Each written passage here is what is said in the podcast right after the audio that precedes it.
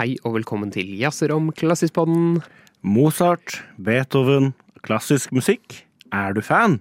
Bli med i vår klikk. Dagens lille rim.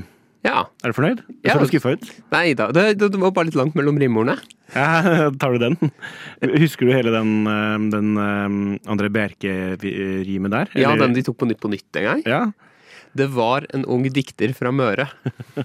Hvis vers var en redsel for øret. Da jeg sa dine dikt viser rytmiske svikt, sa han ja, men jeg forsøker å få så mange stavelser inn i siste linje som det lar seg gjøre. ja. Men jeg tror ikke det er den de snakka om da, når det var langt mellom Eller kanskje det var det. Jo, det var et eller annet oppgave Nytt på Nytt hvor det var veldig langt mellom Altså, det var um, alle altså, Det var da det var Jon Almaas og sånn, så det var det nye ordoppgave. Sånn Alle likte ikke det det der. Og så, ja, altså, det, Jeg husker ikke rimet, men Ja, og så, da smalt det fra Knut Nærum. ja, nå var det langt mellom rimorda. Ja. Men jeg syns ikke det var så langt mellom rimorda her, men det er greit at du syns det. Ja, jeg, tenkte på, det. jeg tenkte på det klikk, for det er litt gøy om vi får oss en liten klikk. Har du hørt eh, sangen UG-klikk av Undergrunn? Eh, nei. Nei, for det var jo min, eh, min fjerde mest spilte artist i 2023. Eh, undergrunn. Og det, jeg syns det er så kult når de Kult, jeg er veldig ung og hipp. Eh, når de snakker om UG-klikk.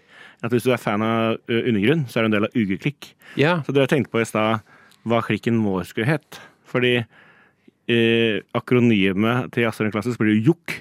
ja. Og JOK-klikk er ikke så fett som. UG-klikk. Men må vi ha klikk i navnet, da? Hvis vi skal, Ja. hvis vi skal ha en sånn eh, gjeng? Ja, kanskje Ja. Jazzeklikken? Jazzeklikken.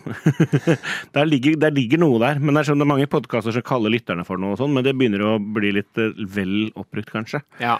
Så, for til nå er lytterne våre bare eh, lyttere. ja. ikke noe mer kan, det spesielt. det er liksom ikke sånn Swifties heller.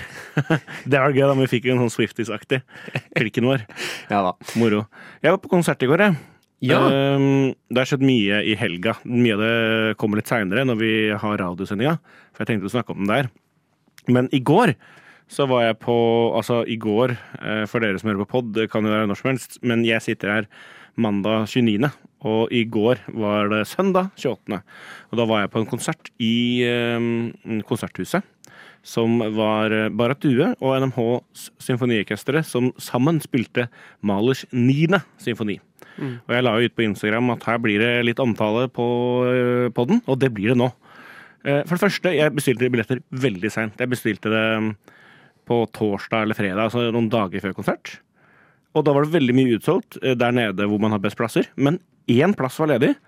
Og jeg bare Hæ? For det er den beste plassen i hele, hele salen. Og er det kongeplassen? Ja, altså rad åtte, for de som ikke har vært i konserthus før. Det er der kongen alltid sitter. Fordi der har du, der, der har du mye, altså dobbelt så mye arbeidsrom. Nei, arbeidsrom. Beinplass, hva er det jeg prøver å Ja. lete etter. Du har dobbelt så mye eh, beinplass, og det er der akustikken er best også. Og du ser liksom rett på orkesteret, du ser alle. Eh, og helt, altså rad åtte, helt til eh, nærmest eh, midtgangen, var det ledig. Jeg bare, å ja, kult, da tar jeg selvfølgelig den. Eh, og jeg skjønner ikke at den var ledig. Og da, da, når jeg liksom er på generalprøver eller prøver med Filharmonien hvor det ikke er billetter, da setter jeg meg alltid der. Og da fikk jeg den. Ja, det var helt, helt sprøtt. Men, Det er utrolig. men de spilte jo da uh, Maler 9, og når de starta, så var jeg litt nervøs. Fordi de spilte veldig fint. Da tenkte jeg, er dette nesten for fint? For når du skal spille Maler, så er det også av og til så må du spille litt røffere. Og det skal låte litt sånn mm, Noen ganger litt ikke stygt, men det skal låte litt uh, ikke vakkert heller, da, på en måte. Og når de starter, så var det veldig vakker cello-klang. Og starten av Maler 9, for de som ikke kjenner den, starter veldig sånn fragmatisk, og så plutselig bare går alt sammen til slutt, og så kommer det en fin symfoni ut av det. Og når liksom fragmentene var veldig fint spilt, så ble jeg nesten litt sånn stressa.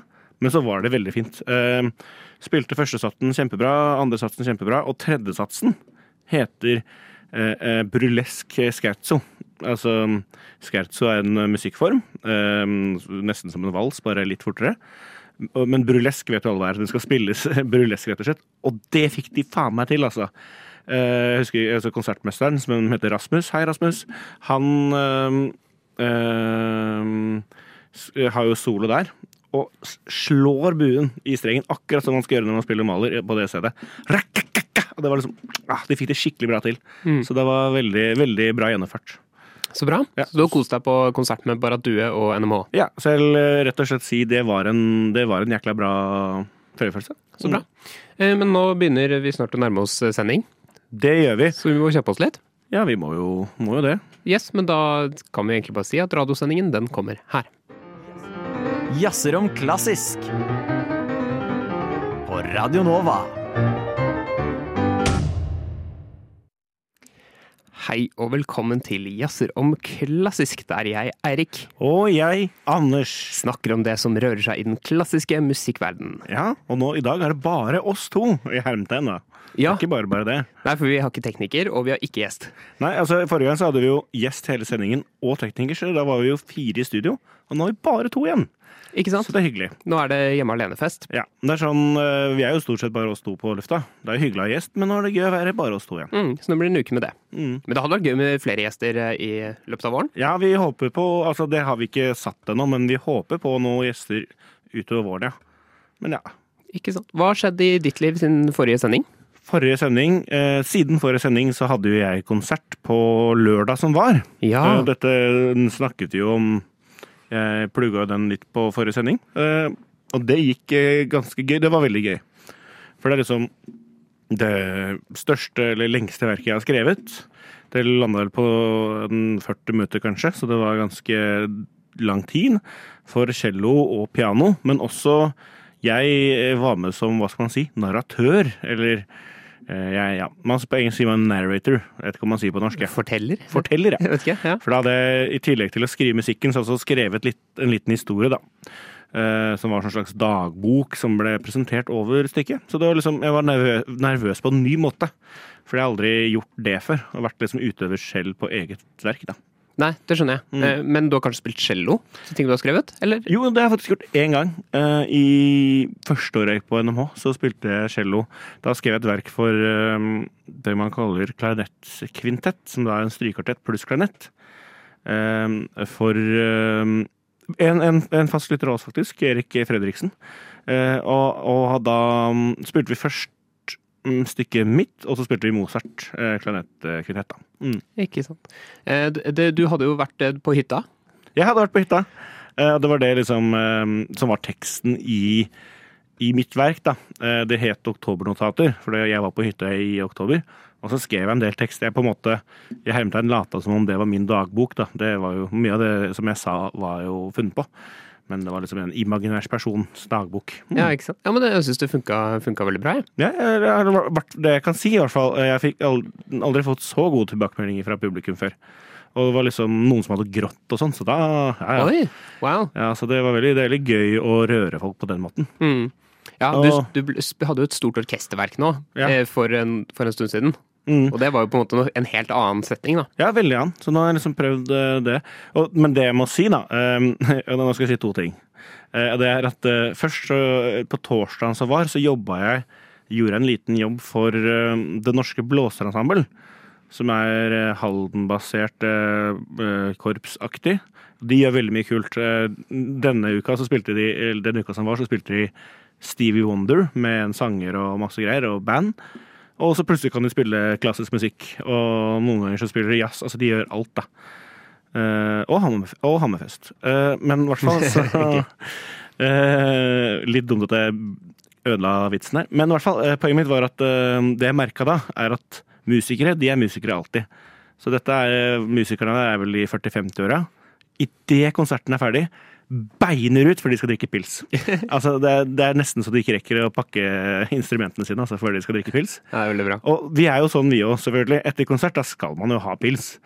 Og den, jeg syns den eh, kvelden vi hadde nå på lørdag, var eksepsjonelt eh, bra, egentlig. Fordi eh, altså både alle som var der, var gøy, og jeg satt der med en av lærerne mine på NMH, og vi diskuterte sånn ordentlig nerdete på musikk og sånn, så da koste jeg meg skikkelig. Det er veldig bra. Ja. Eh, I dag har jeg brukt eh, formiddagen på å høre på en av mine favorittartister, som dessverre gikk bort, Lillebjørn Nilsen. Ja, det gikk bort i dag, han. Ja, eller på lørdag, da, men eh, nyheten kom i dag. Ja, det har ikke jeg fått med meg. Nei. Eh, og det var, det var veldig trist. Eh, han har på en måte vært en sånn en, Han er jo en Oslo-artist, og jeg som er fra Oslo, syns det er veldig fint, og har hørt på han egentlig veldig lenge. Um, og jeg husker at, eh, at jeg uh, lærte meg å spille Brukte masse tid på å lære meg å spille gitar, spille Alexander Kiellands plass. Ja, den er jo veldig fine akkorder og fin gitar. Ja, På? veldig fin. Han har jo så mye fine sanger. Eh, Ja, ja. og, og jeg husker jeg satt og brukte så mye tid på dette fingerspillet som er litt uvant. Eller for meg i hvert fall, som ikke er verdens beste gitarist. Men jeg var bestemt på å få til den, da. Så jeg husker liksom at jeg drev og lærte meg de og, i Lillebjørns gitarbok. Og lærte meg egentlig å spille gitar eh, med mye av hans musikk. Mm. Nei, jeg, jeg også ble veldig mm, berørt, holdt jeg på å si, av den nyheten. Det er også veldig viktig for meg, som også er Oslo-gutt, men generelt bare fin musikk. Eh, vet du hva mitt beste Lillebjørn Nilsen-minne er? Nei. Eh, altså, selvfølgelig, altså når han sang eh, etter Utøya og sånn, det er også veldig sterkt for meg, men jeg har en eh, mer mm, annen, som var for, jeg husker ikke hvor mange år, men si et par år siden, så skulle Filharmonien på sine utekonserter, de har alltid utekonserter på Sagene, eh, i den lille gropa der. Eh, eh, Rett ved Sagene så har de utekonserter, og der kommer det ofte veldig, veldig mange folk. Eh, Da jeg jobba der sist, så hadde de en hyllest til Lillebjørn Nilsen. Og han er jo Sagene-gutt, ikke sant? Ehm, så da jeg tror, jeg tror det var 10 000-15 000. Altså nest, jo, de sa det var mellom 15 000 og 20 000 eh, som eh, på et eller annet måte så denne konserten. da. Og så plutselig så dukka Lillebjørn Nilsen opp. Han, han, ikke på scenen, for det, av en eller annen grunn så var han ikke der. Men han gikk ut av huset sitt, som er rett ved. Eh, Myraløkka heter det forresten, den bakken der de spiller. Eh, så går han ut av huset sitt, og så vinker han da, til publikum. Og da er det liksom 15 000-20 000 som snur seg vinker tilbake, og noen gjør sånn derre når de bøyer seg ned for å liksom vise at de hyller han. da. Eh, og det var veldig rørende. Og det var en del av den dokumentaren som kom for litt siden. Så Mm, den som heter Stilleste gutt, Lillebjørn Nilsens egen historie. Ja. Eh, Den anbefales hvis man ikke har sett den ennå. Eh, Jeg Jeg husker at jeg, da jeg var liten, så hadde jeg, vi skulle på konsert med Gitarkameratene. Og det var en av de siste gangene de Det begynner å bli noen år siden, men en av de siste gangene de spilte sammen. Og Vi hadde kjøpt billetter, og det var på en torsdag. Da hadde jeg korpsøvelse. Og så husker jeg korpsøvelsen før, så, så var jeg nervøs for å si fra. Jeg var jo alltid på korpset. Så å si fra til dirigenten at jeg må være borte neste torsdag. Eh, Så jeg, i pausen tenkte jeg skal jeg gå bort og si det nå. Nei, så turte jeg ikke. Og etter øvelsen tenkte jeg nå må jeg bare si fra. Og så sa jeg eh, unnskyld, prikka på skulderen og sa jeg, jeg, jeg kommer ikke neste uke. Og dirigenten hm, hvorfor det? Og så sa jeg skal på konsert med Gitarkameratene. Nei, skal du det? Så misunnelig! Kos dem masse! Ja, det er koselig. Altså. Det var en- Det var en gyldig grunn. Altså, til det var en, det var en eh, skikkelig gyldig grunn. Eh, men eh, eh, egentlig så er det bare å si takk for musikken, Lillebjørn. Du hører på Jazzer om klassisk. Det var Lillebjørn Nilsen med 'Nattestemning fra en by'. Er ikke det en fin sang, Anders? Ja, veldig fin. Ja, den, eh, er det, I dag da jeg så den nyheten om at han var død, så tenkte jeg eh, så gikk jeg inn på platene, og så så jeg den. Første jeg så, så tenkte jeg den må vi spille i dag. Og det er første gang vi spiller noe som ikke er klassisk. Det er det. Eh, men eh, vi skal over til noe annet, og det er vår faste spalte.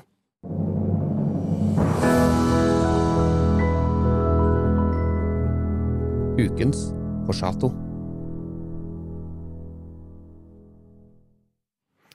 Ja, ukens Forsato, det er jo noe som har utmerka seg denne uka. Noe som er ekstra betont i denne uka. Ja, eh, og det, denne, i dag er det en, en, en eh, plate som har kommet ut. En CD. Det Eller er, ja. innspilling. Det, folk hører sikkert ikke på CD lenger. Men den, den, kommer jo, eh, den har jo kommet ut som CD også, men de fleste kommer til å høre på den på Spotify. Jeg. Eller Tidal. Ja, og vi kan jo si hva det er. Det er eh, en, en opera som heter Fiskeren. Fiskeren av Hjalmar Borgstrøm. Ja, hvem er Hjalmar Borgstrøm, eh, syns du? Hvem jeg, hvem jeg syns han er. Eh, han, eh, han er en komponist fra Oslo. Som er ikke så veldig kjent. Nei, fordi det er ikke Altså, jeg er liksom Jeg er der at jeg har hørt navnet før. Eh, er litt usikker på hvem han er. Ja, eh, og han har skrevet en, en opera. Den ble skrevet i 1900. Tenk på det. Var akkurat 1900. 1900 blank. Ja, Det er så deilig. Det er så lite som skjer akkurat på blanke tall, syns jeg. Ikke sant? Ja, det er veldig, veldig bra. Eh, Og han skrev eh, denne operaen, og den ble ikke urframført før i 2003. Oh, ja, wow. Men vet vi, vet vi hvorfor? Nei, jeg vet ikke. Jeg tror bare den aldri Det har jeg faktisk ikke funnet ut, men det tok litt tid, og så ble den bare glemt. Ja. Eh, og, og så har han begynt å bli nyoppdaga litt nå i det siste, da. Ja, kult. Eh, og så tok det jo enda da 20 år til, siden den ble urframført av Kristiansand Symfoniorkester, Ja. til den ble nå spilt inn av eh, Operaorkesteret med eh, dirigent eh, Terje Boje Hansen. Ja, Terje. Ja. Ja, det er litt kult. Jeg har lyst til å lese opp eh, hva musikkritiker eh, og anmelder Ola Nordahl sier, og musikkviter. Han Ja. skriver det er ikke hverdagskost at det lanseres påkostede eh, innspillinger av norske operaer. Eh, eller for å være mer presis, det skjer nesten aldri, men i dag kommer altså operaen med Hjalmar Borgstrøms opera 'Fiskeren', skrevet i 1900 og uroppført mer enn 100 år senere. Og Han skriver videre at opptakene av plata ble gjort i eh, perioden 2008 til 2010. Så det har eh, tatt litt tid, dette. Og, og skriver han om dirigent Terje Boje Hansen, som dirigerer, gjør en uvurderlig ting for norsk musikkhistorie. Eh, så det Det er veldig, veldig kult. Og, og, og litt sånn, hva skal man si, også kulturpolitisk. Fordi det var jo lenge at operaen i Oslo var sånn de skal bare spille de beste operaene. Det man ofte kaller ABC-operaene. Eh, Jeg husker ikke akkurat hva det står for, men ehm, det C står for Carmen. Eh, For eksempel. Ok, B ja. står for Barberene i Sevilla. Altså, det er bare en måte å si de mest kjente operaene. Mm. Og de er sånn, Vi skal bare spille de fordi vi skal være relevante. Men det er så kult at det, det har skjedd noe i Norge òg. Og det, som, det, det det fikk meg til å tenke på, var for eksempel Bach, som var dritpopulær da han levde. Og så døde han, så ble musikken glemt i veldig veldig lenge, 100 år. Før komponisten Mendelssohn fant musikken og var sånn 'Dette er bra, dette må alle høre'. Og nå er Bach veldig kjent.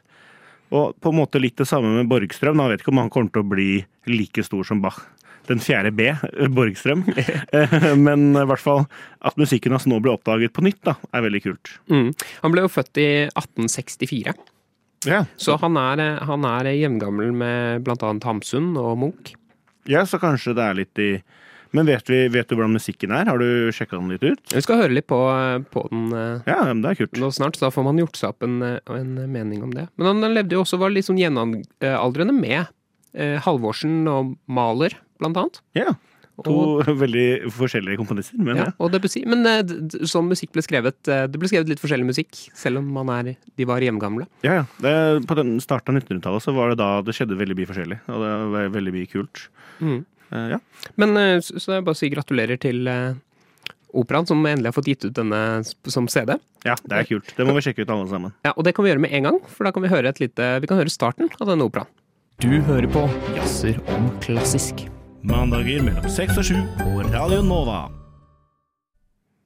Det var starten av operaen 'Fiskeren' av Hjalmar Borgstrøm. Eh, som er kommet Han gikk på på skolen i Fjæran. ja, Hjalmar, ja. Ja. ja. Eh, men eh, han studerte jo Han var jo i på en måte generasjonen etter Grieg. Ja. Og alle nordmenn dro jo til eh, På den tiden dro jo og studerte i eh, Leipzig. Ja. Eh, eh, og det jeg leste et eller annet sted, at han, han syntes ikke det var så Han lærte ikke så mye på studiene der. Eh, Nei, for det sa jo Grieg òg. ja. Ja. Eh, Men jeg har en veldig gøy ting om det. Eh, Fordi i- Det skal sies at eh, Fordi Grieg var veldig opptatt av det. At eh, nei, jeg, eh, jeg har fått snakke med en Grieg-ekspert om akkurat dette her. En som heter Bjørnar. Som jeg er ganske sikker på å høre på. Hei, Bjørnar. Eh, Hei, Bjørnar. Eh, som fortalte meg For dette er et klipp fra en podkast som aldri ble gitt ut, som jeg nesten litt lyst til å se og kanskje klippe til, så vi kan lage noe og legge ut her. Det hadde vært veldig stilig. I hvert fall, eh, Han snakket om at Grieg var veldig opptatt av å snakke om Nei, jeg lærte ingenting i Leipzig, så alt jeg kan, er, har jeg lært sjøl. Det handler like mye om at han selv vil putte seg selv opp som en sånn autodidakt. eh, En selvlært, veldig bra komponist. Mm. Det kan være at han lærte masse i Leipzig, men han bare er sånn Nei, jeg lærte ingenting. Um, og det er ikke bare fordi jeg har vært i Leipzig, Leip, oi, Leipzig. Uh, men uh, ja. Så det, det kan man huske. Lærte du noe i Leipzig? Masse. Ja. Jeg har noen ting som også um,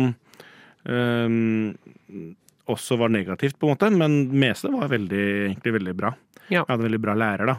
Men det som er så gøy når du er i, på skolen i Leipzig, da, er å se for det første alle statuene av folk som har gått der. Og så går du, og så er oppe og henger en liste sånn Dette er elever som har gått her. Og det er sånn alle de kjenteste på en periode.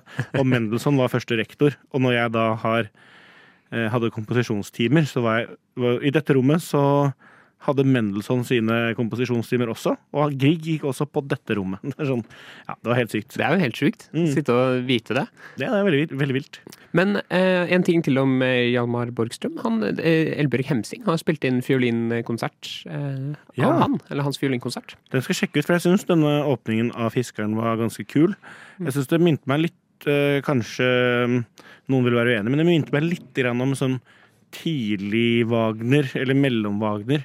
Eh, dette er veldig spesifikt, da, men litt sånn ja, Tannhauser-aktig med tiden. Ja, Ja. ikke sant? Eh, det var veldig nerdete for de som liker det. Ja.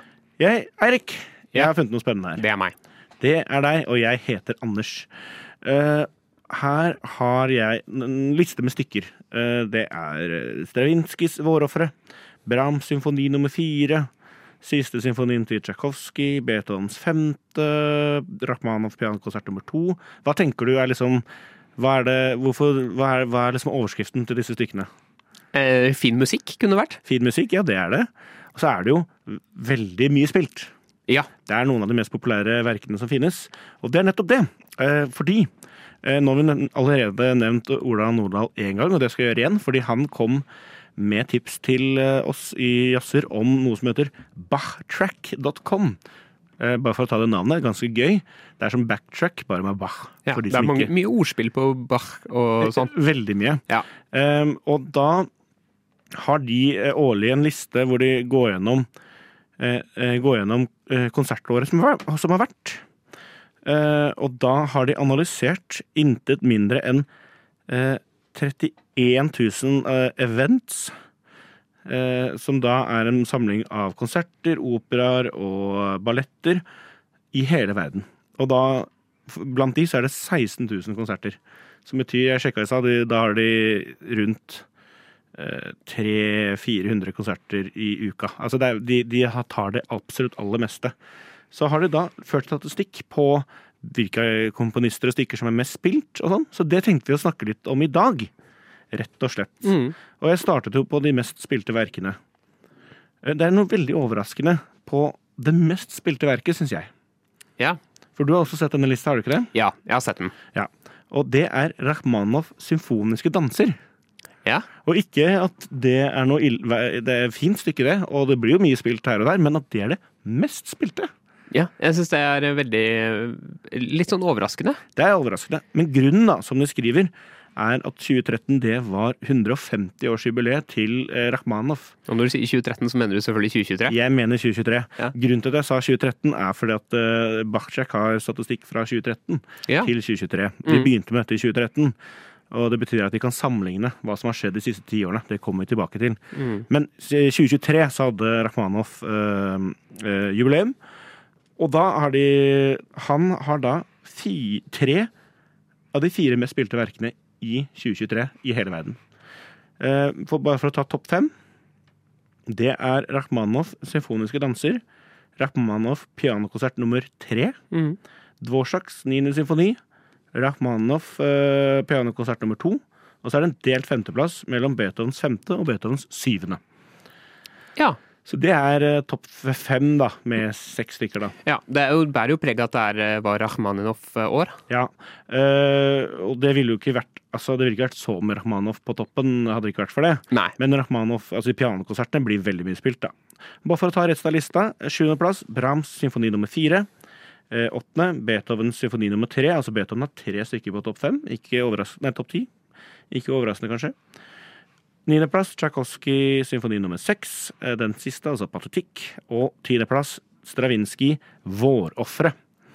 Um, så det er mye, liksom, eh, veldig mye romantisk musikk på topp eh, ti, og så er det Vårofre, da. Mm. Og da sier de også at Men i, fjor så kom um, Ravels Å nei. Lavals. Lavals, ja takk. eh, kom på topp ti, 10, og nå har den falt utafor topp 20. Oi. Så det er mye som har skjedd siden i fjor. Men vi skal se mer på denne statistikken eh, etterpå. Først skal vi høre litt rann, eh, musikk.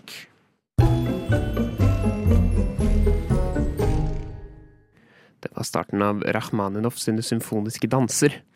Ehm, og det er jo det mest spilte verket i 2023 Det er det. i orkestrene rundt om i verden. Worldwide mest spilte.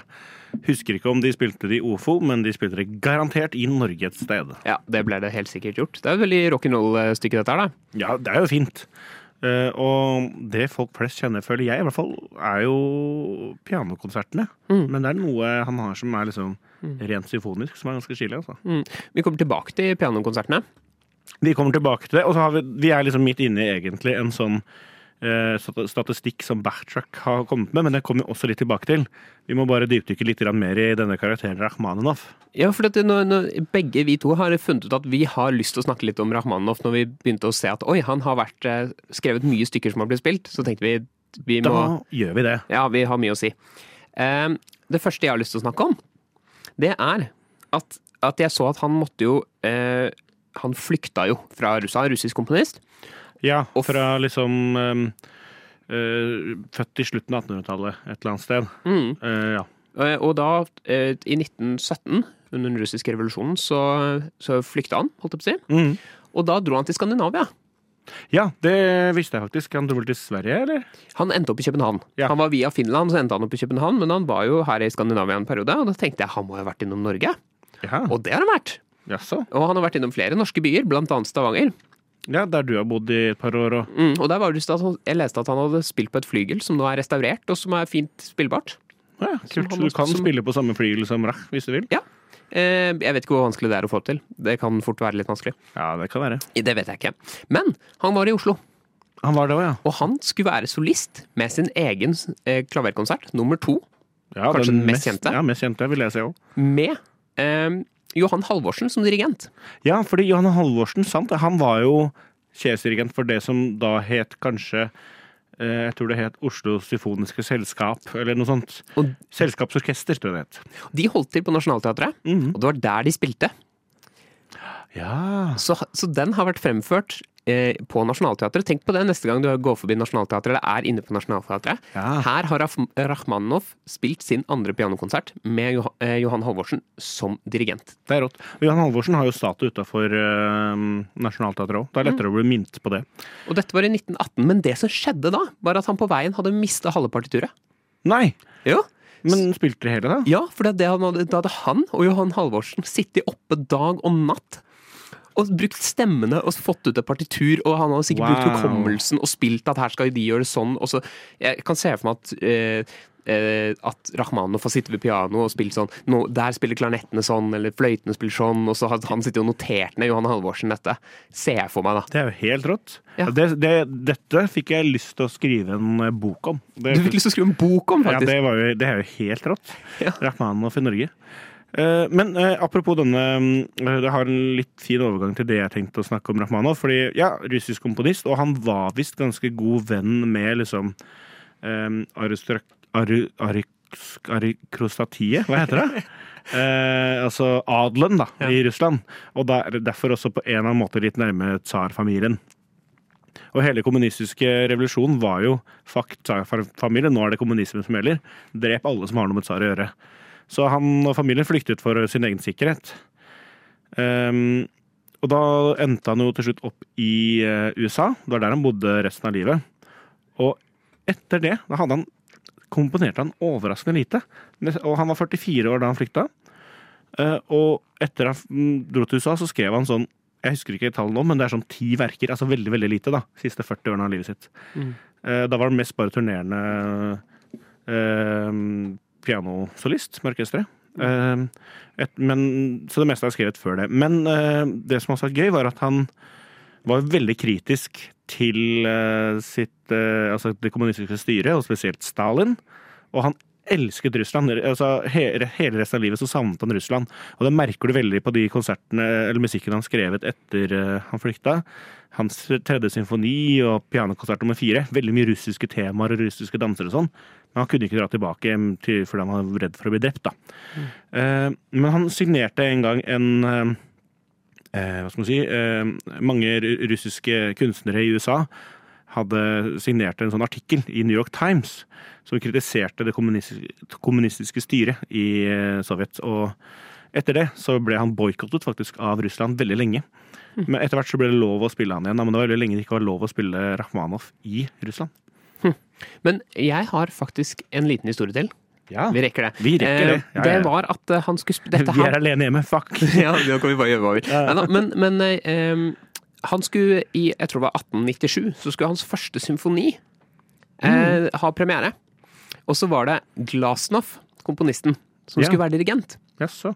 Han var sikkert dirigent òg, åpenbart, siden han dirigerte dette. Mm. Og han var visst, ifølge historien, eh, full på alle prøvene og på konserten. Så, og orkesteret kunne det ikke skikkelig og sånn.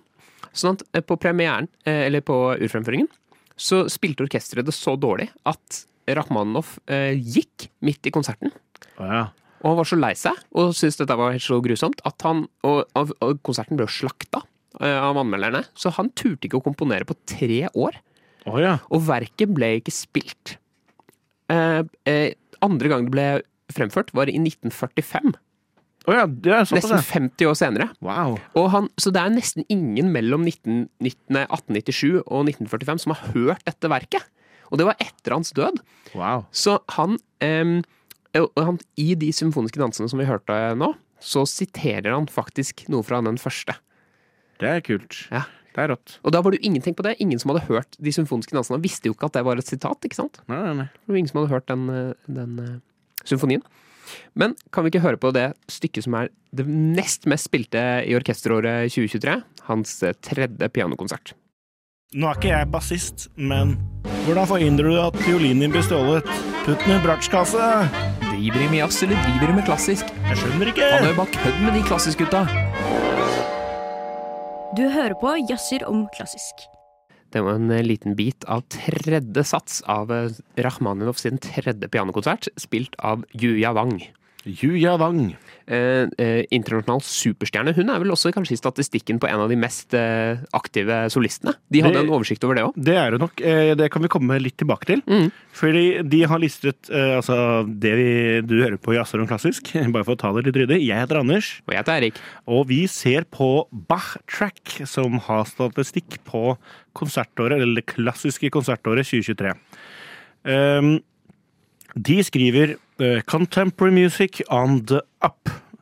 Og det de mener er at eh, De har jo nå tatt tall de siste ti årene. De begynte med dette her i 2013. Eh, Og da var det worldwide så var det 6% av all musikk spilt av orkestre var samtidsmusikk. Nå er det 14% Så da har det jo økt med 8 eh, prosentpoeng. Eh, hvor mye klassisk musikk som blir spilt eh, Nei, samtidsmusikk som blir spilt Ja. eh, av orkesteret. Og det er litt forskjellig. De er altså sånn eh, Dette er jo amerikanere som har gjort det. altså De ser at i USA så har det gått opp til fra 6 til 15, mens i eh, Storbritannia så er det oppimot 20 eh, som eh, er samtidsmusikk. Så bra. Eh, ja, og Men for eksempel da, som de skriver i Japan og Østerrike og Frankrike, så er det lavere igjen. Ikke sant? Så det, det er litt forskjellig, men eh, de ser at det er en veldig veldig økning. Og det er en økning i alle land, unntaket Sverige. Av en eller annen grunn. Eh, I hvert fall. Ehm, eh, og så ser de på Vi skal ikke gå gjennom alt, men eh, vi hadde jo besøk av eh, Anna fra Fram. Mm. De som kun spiller kvinnelige komponister på sin konsertserie. Og det de kan skrive her, eh, apropos det, er at eh, mengden kvinnelige komponister også er on a rise. Eh, har vært det generelt siden 2013, så har, har antall kvinnelige komponister som blir spilt, økt. Og det er veldig, altså mot slutten, veldig eksplosivt også. Eh, så det er eh, flere komponister som er innenfor topp 20 spilt. Eh, der har vi Sofie Gubaldolina og Caroline Shaw, som vi snakket om. Eh, og litt, og også andre sånn gamlinger, holdt jeg på å si. Clara Schumann, Lilly Boulanger, som blir spilt veldig veldig mye mer, da. Så av de 100 mest spilte um, samtidskomponistene, vel å merke ikke komponistene, men samtidskomponistene, Mm. komponister som lever, eh, så av de 100 mest spilte, så er det 36 kvinner. Som betyr at det er fortsatt ikke 50-50, eh, men eh, det er eh, høyere enn det noen gang har vært, da. Ja, og det er jo kjempebra. Ja, så det er på vei opp. Mm. En, en, en ting som er litt på vei ned, jeg så jeg var Jeg har titta litt på den statistikken, ja. Er mm. tidlig musikk. Ja, det er veldig interessant, fordi eh, barokk og musikk før det Mm. har gått ned. Ja. Eh, Vi snakket litt om at det er et stort problem med kvinnelige dirigenter. At det er litt færre. Og det viser også at statistikken det er veldig lavt eh, antall kvinnelige dirigenter. Men det er også eh, økende. Eh, Og det de eksempel så på, var at eh, the busiest conductor, det var um, Andris Nelson, som uh, sjefsdirigent i Leipzig. Ja. Um, mens uh, Som har dirigert over 100 konserter, altså 111 konserter på et år. Mens eh, the busiest, busiest female conductor har dirigert 55, altså halvparten. Ja. Og jeg tror ikke det er fordi hun ikke vil dirigere mer, men det handler nok om muligheter. Ja. Og det de skriver, er en stor grunn til det, er at det er veldig veldig få orkestre som har en kvinnelig sjefsdirigent. Ja. Og så ser man jo også at de, når jeg så på den lista over de mest aktive dirigentene, er jo også de største, eller de hotteste navnene. Eh, som handler om at de flyr, sånn som Klaus Mekle er høyt oppe, husker jeg. Og han, han, når han er ferdig med en konsert i Oslo, så flyr han ut til Paris og spiller konsert der. Eller en annen by, eh, og gjør konserter hele tiden. Ja. Med store, de store orkestrene. Eh, eh, Klaus Mekle er andreplass på mest aktive eh, dirigenter, faktisk. I verden. I verden. Tenk det. Mm, Og Yuyo Wang, som vi spilte i stad, fjerdeplass på mest aktive pianister. Ja, hun, men jeg, jeg bare har lyst til å si Dette var en tredjesats, Anders. Jeg syns den er veldig kul. Vi har diskutert mye tredjesatser. Jeg syns denne er veldig kul. Jeg er litt enig. Jeg er litt enig. Og Yuyo Wang spiller den jo skikkelig, skikkelig bra. da. Men du, og tredjesatsen i andre pianokonserten til Rakhmanov er også veldig, veldig kul. Etter hvert så blir dette litt sånn oppramsende, kanskje, men eh, det er noen, eh, en annen statistikk som er gøy. Eh, Jeg er jo glad i Maler, og man tenker jo Maler blir jo spilt mye hele tida. Men det har faktisk økt ganske mye de siste ti årene. Eh, Men den komponisten som har hatt mest økning eh, de siste, ti årene, er Kurt Weil. Så spennende. Ja, vet du hvorfor? Ja, jeg vet hvorfor. Fortell. Eller jeg tror jeg har en teori. Jeg Ja. har en teori. Og det er at han døde vel i 1950, tror jeg det er. Så i 2020 så har det gått 70 år siden han døde, og da er, ikke lenger, da er det ikke lenger eh, musikken Da er det ikke lenger rettigheter på det. Da kan man bruke det som man, litt som man vil. Ja. Eh, og det heter da at eh, musikken eh, har falt til det fri. Ja, det er et uttrykk man bruker. Ja. Ja, og det, det, er, det stemmer veldig godt med statistikken, og de skriver litt om dette her også. At i mange land så er det nå copyright-fritt å spille musikken. Eh, ikke USA, for der har de litt lenger eh, Da skal det gå lengre tid før det er lov å bruke. Ok. Mens i Europa så er det 70. Og du ser på statistikken, så ligger det jevnt nede fram til 2020, og så bare fyker statistikken opp. Så det er gått fra Altså, han blir spilt 2,6 ganger mer enn han ble for ti år siden. Kan vi ikke høre litt på litt Kurt Weil?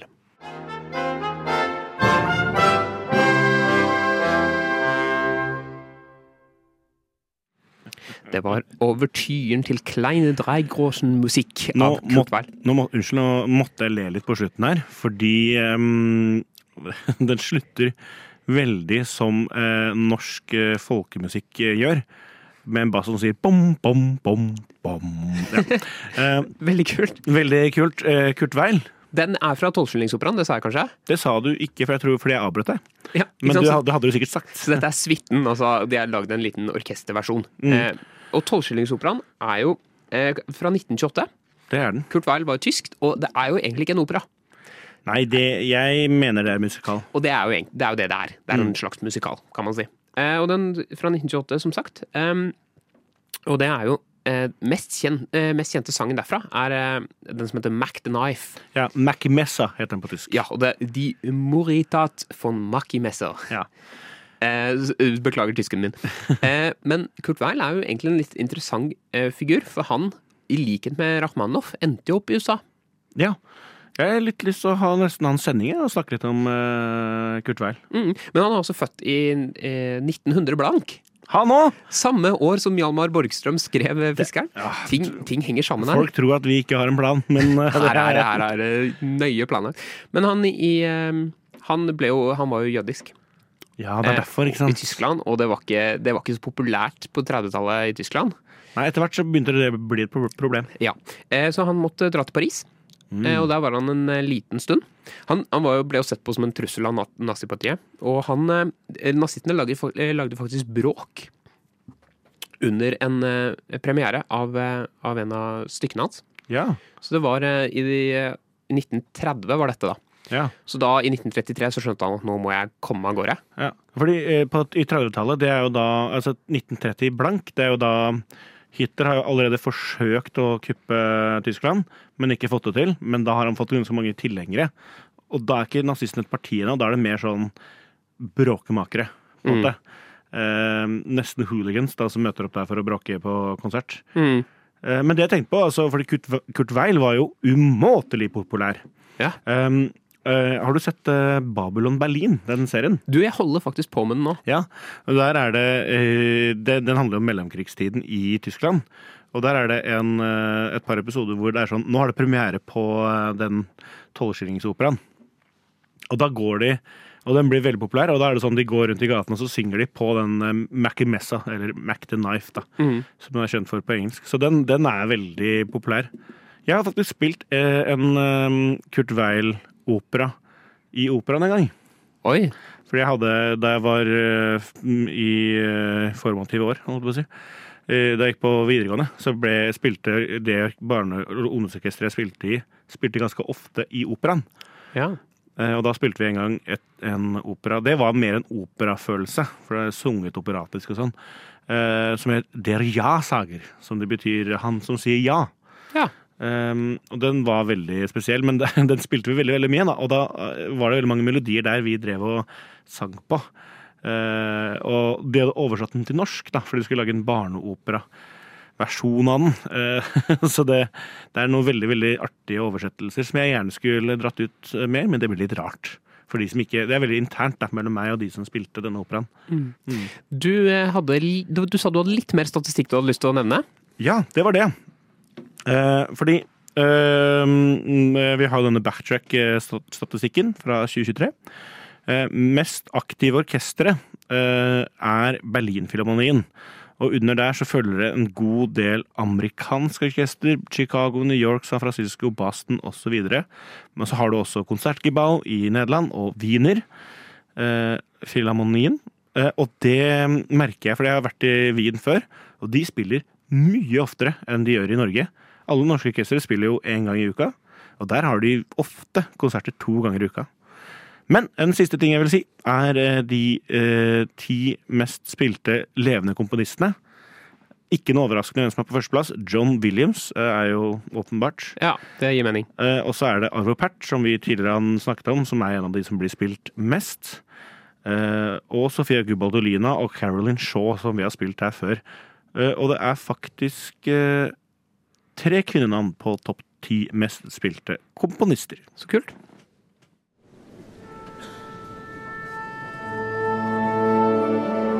Jeg heter Eirik, Jeg heter Anders. og vi jazzer om klassisk. Hver mandag mellom seks og sju. Stemmetonen, det betyr at vi nærmer oss slutten, i motsetning til på en vanlig konsert. Ja, Det har vi valgt å gjøre, det har ikke jeg tenkt på før. Men det er vår greie. Yes. Eh, men eh, har du planer neste helg, Erik? Nei. Jo, du har det. Har jeg det? ja, du har det med meg. Eh, Ja, det er sant! Vi skal på en festival som heter Interpuls. Ja! Og den eh, tenkte vi å eh, reklamere litt for. Det er ikke noe de har bedt oss om å gjøre, altså, men det er bare fordi jeg syns den virker veldig kul. Eh, de spiller mye ny musikk, apropos, og så spiller de en del minimalisme. Som er eh, Jeg skal ikke gå altfor inn på det, for jeg har ikke så god tid. Amerikansk eh, eh, ny musikk. Og så reklamerer de for popkornsalg og kule visuals. Jeg tror dette er en veldig bra festival for uh, og klassisk lyttere. Interpuls 9. og 10. februar i Oslo. Kom på den! Det skal jeg og Eirik, i hvert fall. Ja, jeg skal skrive det opp i kalenderen, sånn at jeg husker det. Gjør det. Og ikke dobbeltbooke meg. Ja. Men eh, vi begynner å nærme oss eh, slutten. Ja, det gjør vi. Det går, går unna, vet du. Det gjør det. Eh, og da er det egentlig bare å takke dere som har hørt på, som alltid. Veldig hyggelig at du hører på.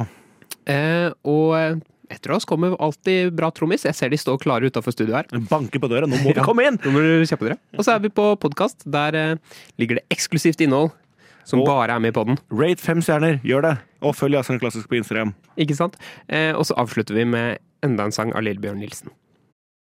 Koda! Koda? Vi er hjemme alene. Koda!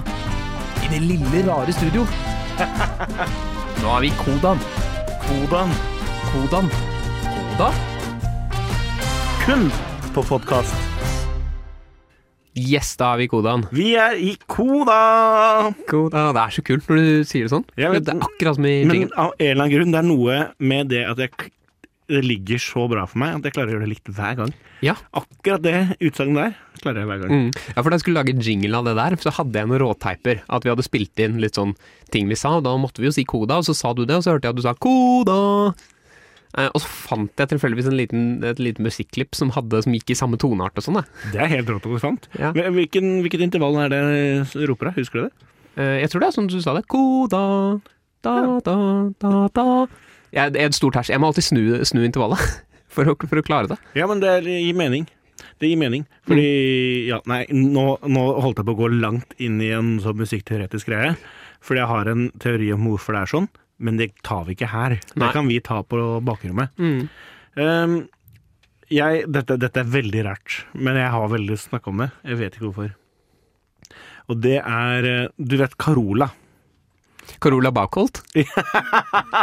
Det er veldig gøy. Ikke komponisten Carola Bakholt, men popstjerna eh, Carola. Ja, jeg tror dette, Det er veldig få, veldig få mennesker du snakker om Carola til, og så tror du det er komponisten Carola Bakholt, og ikke eh, artisten Carola.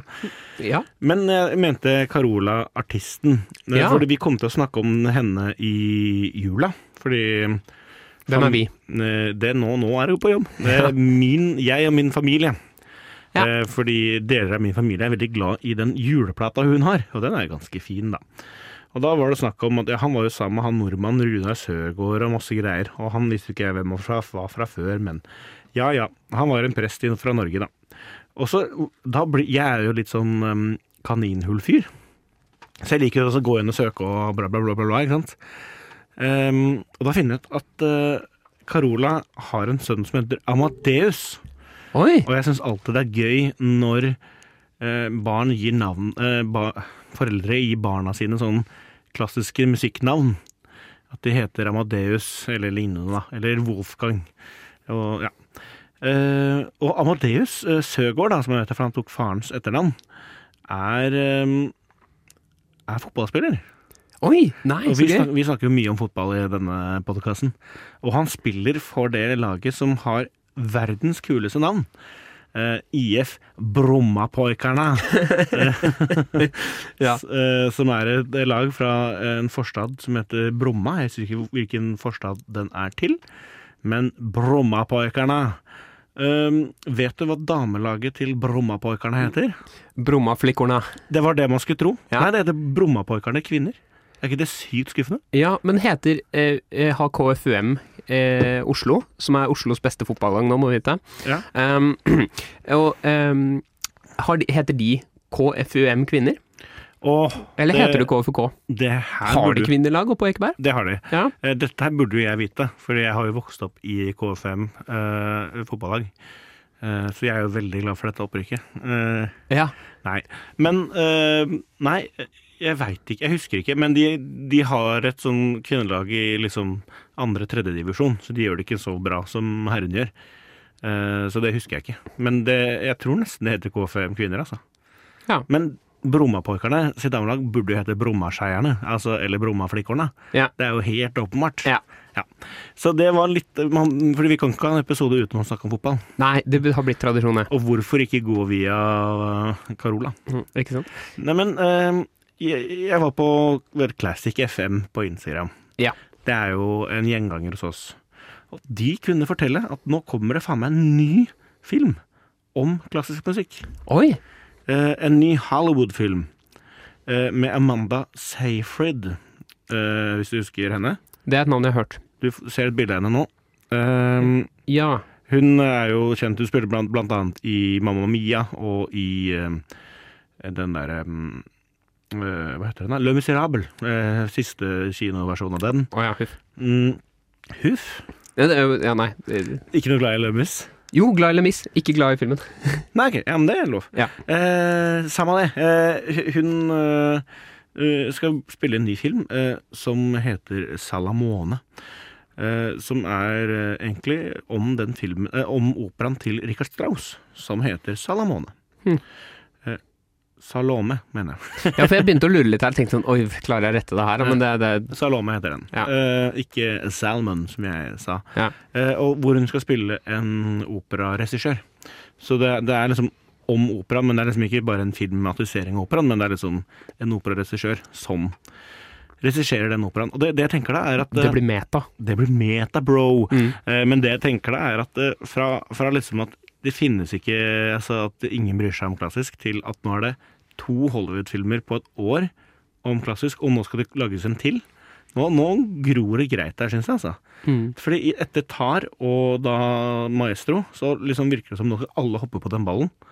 Og ingenting hadde vel vært kulere om det ble en skikkelig sånn hype rundt det. Å Mm. lage klassiske musikkfilmer. Ja, det hadde vært kjempekult. Og så, hvordan er det Jeg ser det har kommet noen nominasjoner til Maestro nå. Ja, Eh, Oscar? Ja den har, det, det, det var veldig bra du sa, for dette må vi snakke om. Eh, den er nominert til ni Oscar. Ja. Eh, Bra. Nå, nå husker jeg ikke helt eh, i hodet alle, det trenger vi ikke å søke opp, men det er blant annet eh, beste mannlige, beste kvinnelige skuespiller, og jeg tror det var um... Var det ikke beste sminke? Jo, beste sminke var det. Så den, den løsnesa hans, den ja, den løsnesa som ble diskutert, den fikk en nominasjon. Ja, det ble betalt, holdt jeg på å si. Ja, men også var det beste Jeg tror det var beste regissør. Eller altså eh, Han eh, Bradley Cooper ble nominert til tre priser. Både som skuespiller og regissør og en ting til. Og så har det beste bilder. Jeg husker ikke hva det heter. Cinemografi, eller hva det heter. Ja. Men den er ikke nominert til beste musikk. Det er jo gøy. Men er det, det er jo ikke originalskrevet, Det er det, vet du, for den kunne ikke blitt nominert. Fordi i Oscar så er det en regel på hvor mye nyskrevet musikk det skal være i filmen. Og jeg tror det er sånn 60 Det er liksom i hvert fall prosentdel. Og ehm, i, i, i den filmen så er det jo ingen Altså det er bare Bernsteins musikk og maler, ikke sant. Mm. Så den kunne ikke blitt nominert, men det er fortsatt gøy at en film om Bernstein ikke er nominert Ja. til beste musikk. Men Mm. eh, det kom jeg på når du først sa det nå, for jeg er veldig glad i en film som heter Birdman. Og den har en av de kuleste film, eh, nei, eh, musikksporene til en film jeg vet om. For det er en jazztrommis som bare spiller, improviserer trommer hele veien. Å, ja. Så bak så ligger det bare masse trommeting. Mm. Um, men den ble først nominert til Oscar, men så ble det trukket, for de fant ut at det var for mye ikke-original musikk. For de brukte også mye maler og mye klassisk musikk. Så hver gang eh, det skjedde noe, så kom det alltid en malerting. Og det tok for mye plass, så derfor fikk ikke den eh, en Oscar-nominasjon allikevel. Som jeg syns var veldig synd, for det er veldig kult eh, spor. Men om en trommis? Med en trommis. Kun trommer. Men, men eh, er ikke det enda en film, holdt jeg på å si, om, om en jazz... Var det jazztrommis? Nei, det var ikke en film om en jazztrommis. For da tenkte jeg sånn, ok, enda en Whiplash, men uh... Nei, nei, nei, det- nei det, Birdman handler om en uh, teaterregissør som prøver å sette opp et stykke. Ja. Musikken er bare i bakgrunnen. Mm. Mm. Jeg har oppdaga, eller jeg har fått blitt tipsa om en podkast Ja. som jeg har blitt tipsa om før, men som jeg aldri hørte på da jeg ble tipsa om første gangen. Men nå har jeg begynt å høre på den. Ja, for det var det jeg som tipsa om den, eller var det Erik Fredriksen som tipsa om, den? Eh, Det var vel dere som tipsa den sammen? Kanskje du hadde tipsa den til han og via meg? Nei, det var han som tipsa den til meg, faktisk. Ja, Mm. og så tipsa dere den til meg samtidig. Ja. Og nå har jeg begynt å høre på den. Kan vi si til lytteren hva vi snakker om?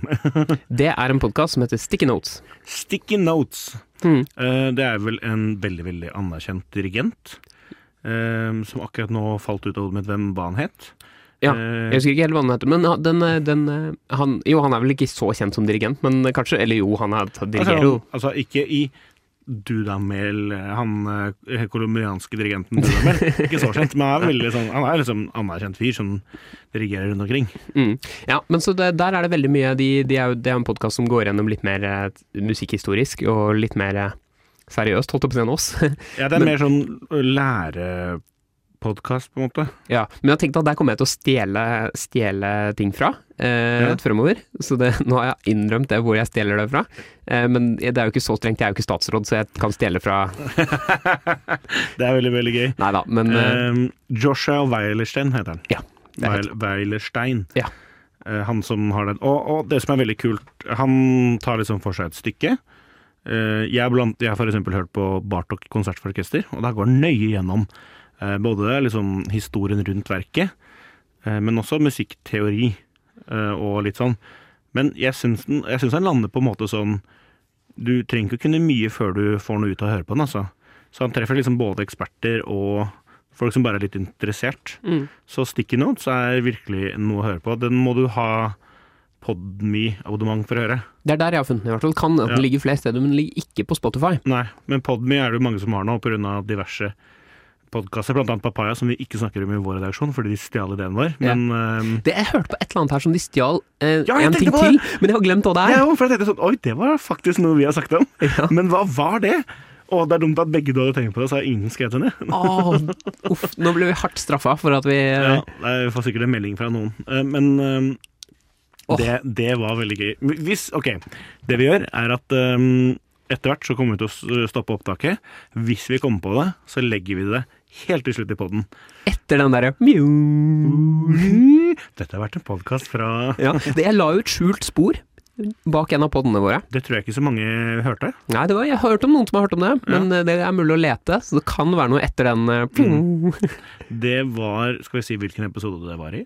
Eh, Jeg husker det ikke, jeg, altså, hvis du husker det. Helt på slutten av nyttårsspesialen så ligger det litt snacks.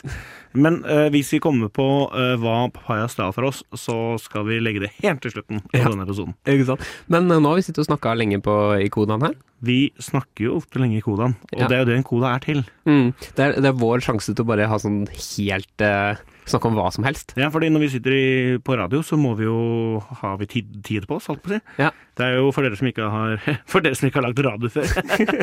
Nei da. eh, Så er det mm, en, Det er jo eh, legit en sånn timer som går ned, klikker ned.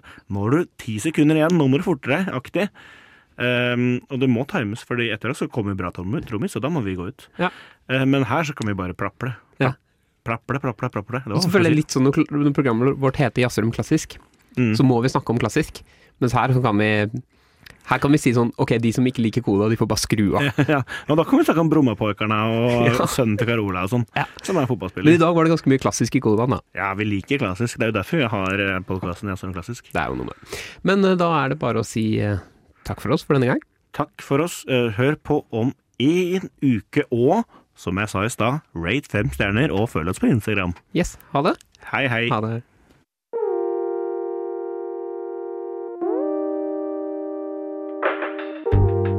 Du har hørt på en Radio Nova-podkast. Finn flere podkaster på radionova.no eller på din foretrukne podkasttjeneste.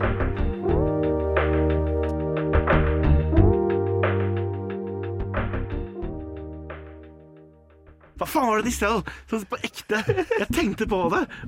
Åh! Men det var en sånn bitte liten ting. Ja. Hva var det?